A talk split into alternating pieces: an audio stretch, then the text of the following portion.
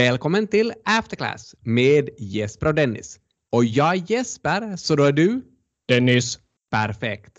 Det är en man med en vacker frisyr som möter mig här idag. Är du nyklippt? Svar ja. Man vill ju vara snaggad på jul. Den här frisören som du går till, du säger ju ganska ofta att han också ger dig dina bästa aktietips och investeringstips överlag. Ja, nu fick jag en eh, ny dos med vinnare, förlorare, en del kryptosnack också. Så det är väl lite så där som man säger att det är dags att sluta då man får tips av sin taxichaufför.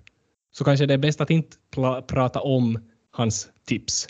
Vi kanske kan prata om en annan sak han nämnde. För han säger så här att frisörer överlag har varit mycket utsatta av skattegranskningar. Så han nu på senaste tiden eller rent generellt? Inte kanske riktigt på senare tid, men, men han har då lösningen hur han undviker att bli utsatt. Och är de här lösningarna bättre än hans investeringstips? Ja, du får bedöma själv. Han säger så här att man höjer priset för att verka lite mer premium och således kan man undvika att skattegranskas. Vad tror du om det? Man funderar lite så här, eh, grundtanken känns ju bra. Höja priset, du ser mer premium ut, du slipper skattegranskningen. Men kan inte skattmasen börja reagera på att det börjar se ganska annorlunda ut din bokföring om du höjer priset? Ser det inte egentligen ut som att du tidigare har fuskat med skatten om du höjer priset idag? Jag tror inte han hade tänkt, tänkt så långt. Ja, men det kanske fungerar, speciellt om vi ser de här skatteinspektörerna mest går runt och tittar på vilka frisörsalonger som har det billigaste priset och påstår att det här kanske inte då ska gå runt i verkligheten med ett så lågt pris. Har du några andra tips på hur man kan undvika, undvika en skattegranskning? Ja, premiumkunder bevisligen eftersom han vill ha mig och det ser bra ut om jag går där. Ja, men, det, men den köper jag. Börjar förstås fundera lite här att han verkar spendera väldigt mycket tid på att fundera kring hur han kan undvika en skattegranskning.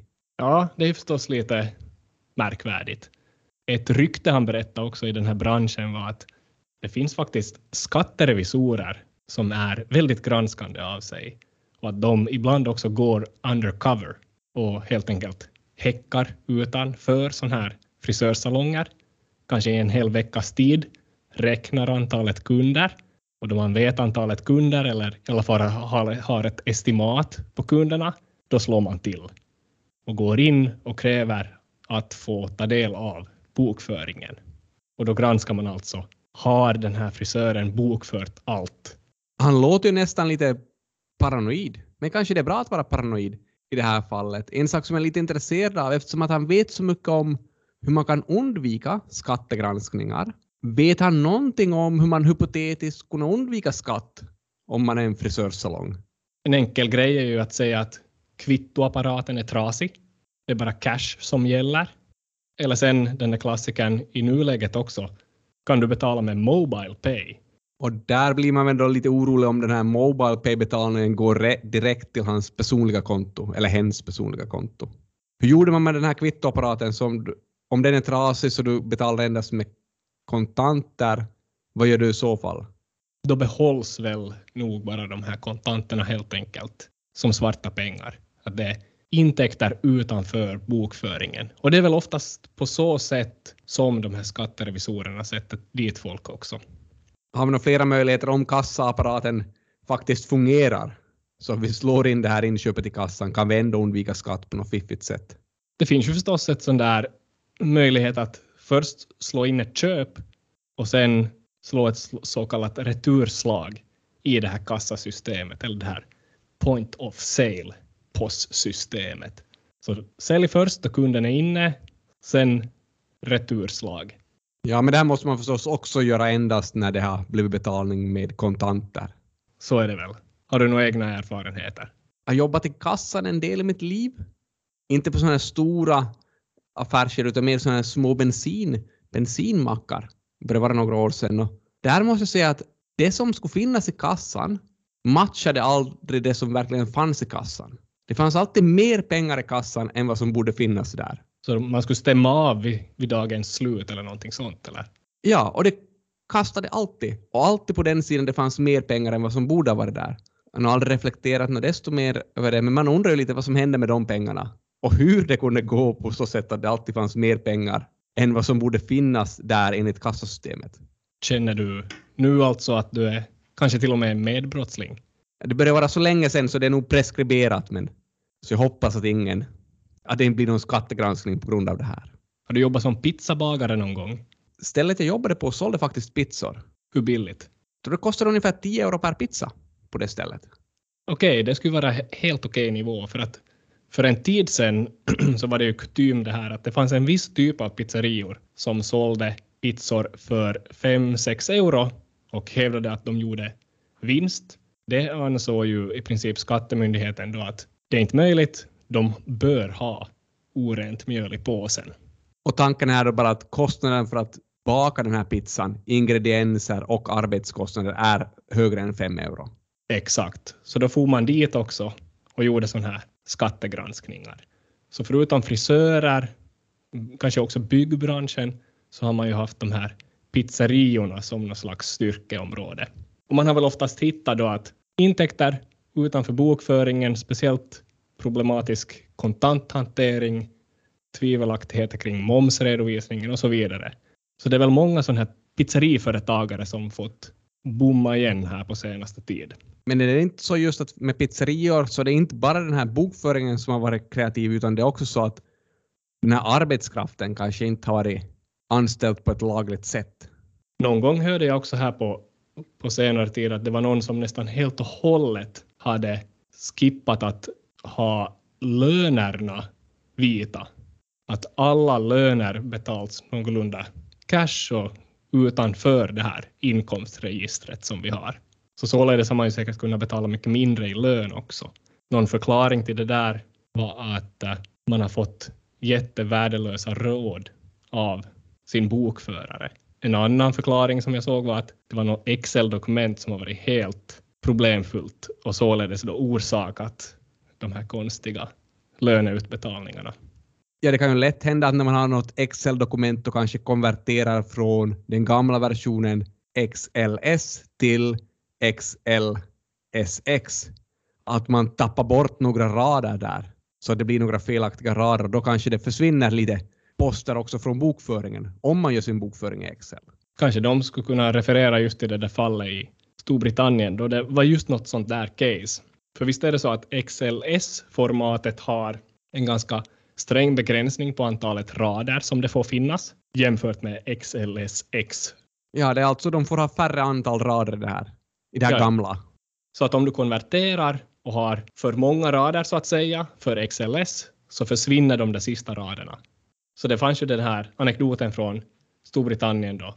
Man har ett dokument med smittade eller potentiella smittade av covid och en telefonlista då, vem man ska ringa och kontakta och säga att hej, du är smittad. Så då de här raderna då föll bort, så det fanns någon forskning som visade att 125 000 fler blev smittade på grund av att de inte fick meddelande och i förlängningen då också 1500 fler döda. Kanske den anekdoten kan användas för att försvara sig. Att andra också gjort fel och i de fallen så ledde de här felen till ännu värre konsekvenser än att man undvek lite skatt. Eller hur tänker man att den här logiken är i det ja, försvaret? Nå någonting sånt att nu skulle det bara vara lite löner som gått fel eller någonting sånt. Eventuellt skulle en sån taktik fungera framför en amerikansk jury där det ibland handlar om att förvirra den här juryn mera än om att verkligen ta fram vettiga bevis. Som nästan lite sån där Chewbacca defense. Exakt. Taxibranschen är ju också ett ställe där det verkar vara rena rama vilda västern, vad jag har förstått. Här på sistone en lokal taxiföretagare som hade mörkat nästan 200 000 i inkomster enligt en sån här specialrevision. Och där är det också det här samma gamla vanliga, mycket kontant, svarta löner och så vidare, men också en sån här en del privata utgifter som har bokförts som företagets utgifter. Vad är det värsta som den här företagaren hade tagit och satt på företaget som inte då borde vara på företaget? Vi pratade om det i början så måste en taxichaufför klippa sig för att kunna ha kunder. Jag tycker till och med att frisörbesök kunde vara en vettig kostnad att ta med. Halva frisyren i alla fall. Det som högra sidan. passageraren ser. Ja, det är kanske inte så farligt då sist och slutligen, men vad tycker du om det här då? Kattmat? Jag hade de en katt anställd hos företaget. Det var väl det problematiska, att ingen katt anställd men ändå kattmat i bokföringen. Ja, det är lite tufft att förklara bort. Det är inte avdragsbart i alla fall. Får man någon bestraffning för det här då? Det handlade ju ändå om nästan 200 000. Ett års villkorligt fängelse och tre års näringsförbud. Bokföraren i det här fallet också fick eh, 70 dagsböter. Och det motsvarar... 910 euro. Känns som att bokföraren slapp ganska billigt undan här för han vet ju ändå vilka verifikat han har slått in. Ja, alltså står det någonting med mjau i en taxifirma så kanske det borde ringa klockor. Men jag menar, det här, det här är egentligen det som vi pratat om hittills, ganska småpotatis mot ett liknande fall i USA som hette Crazy Eddie. Har du hört om det?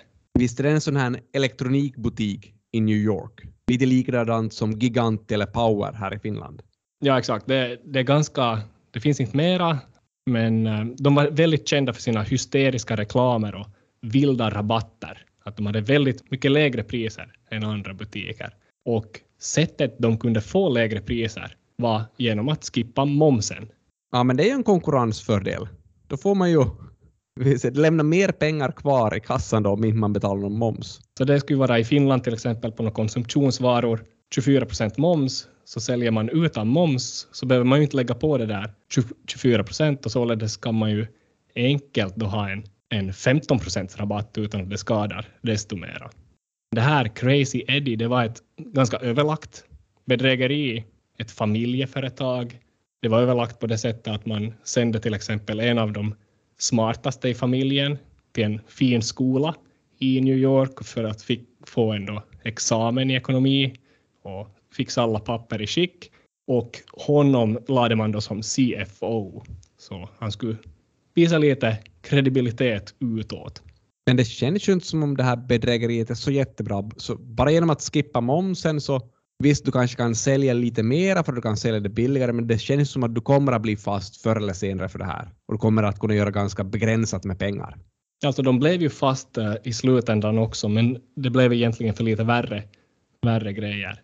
I någon intervju som jag såg så gör, gör just den här CFO, ex-CFOn, ett exempel att uh, som privatföretag, om du då undviker en miljon i intäkter, så kunde de då spara 400 000 i skatt i det här USA som är ett högskatteland på den tiden, då 40 procent.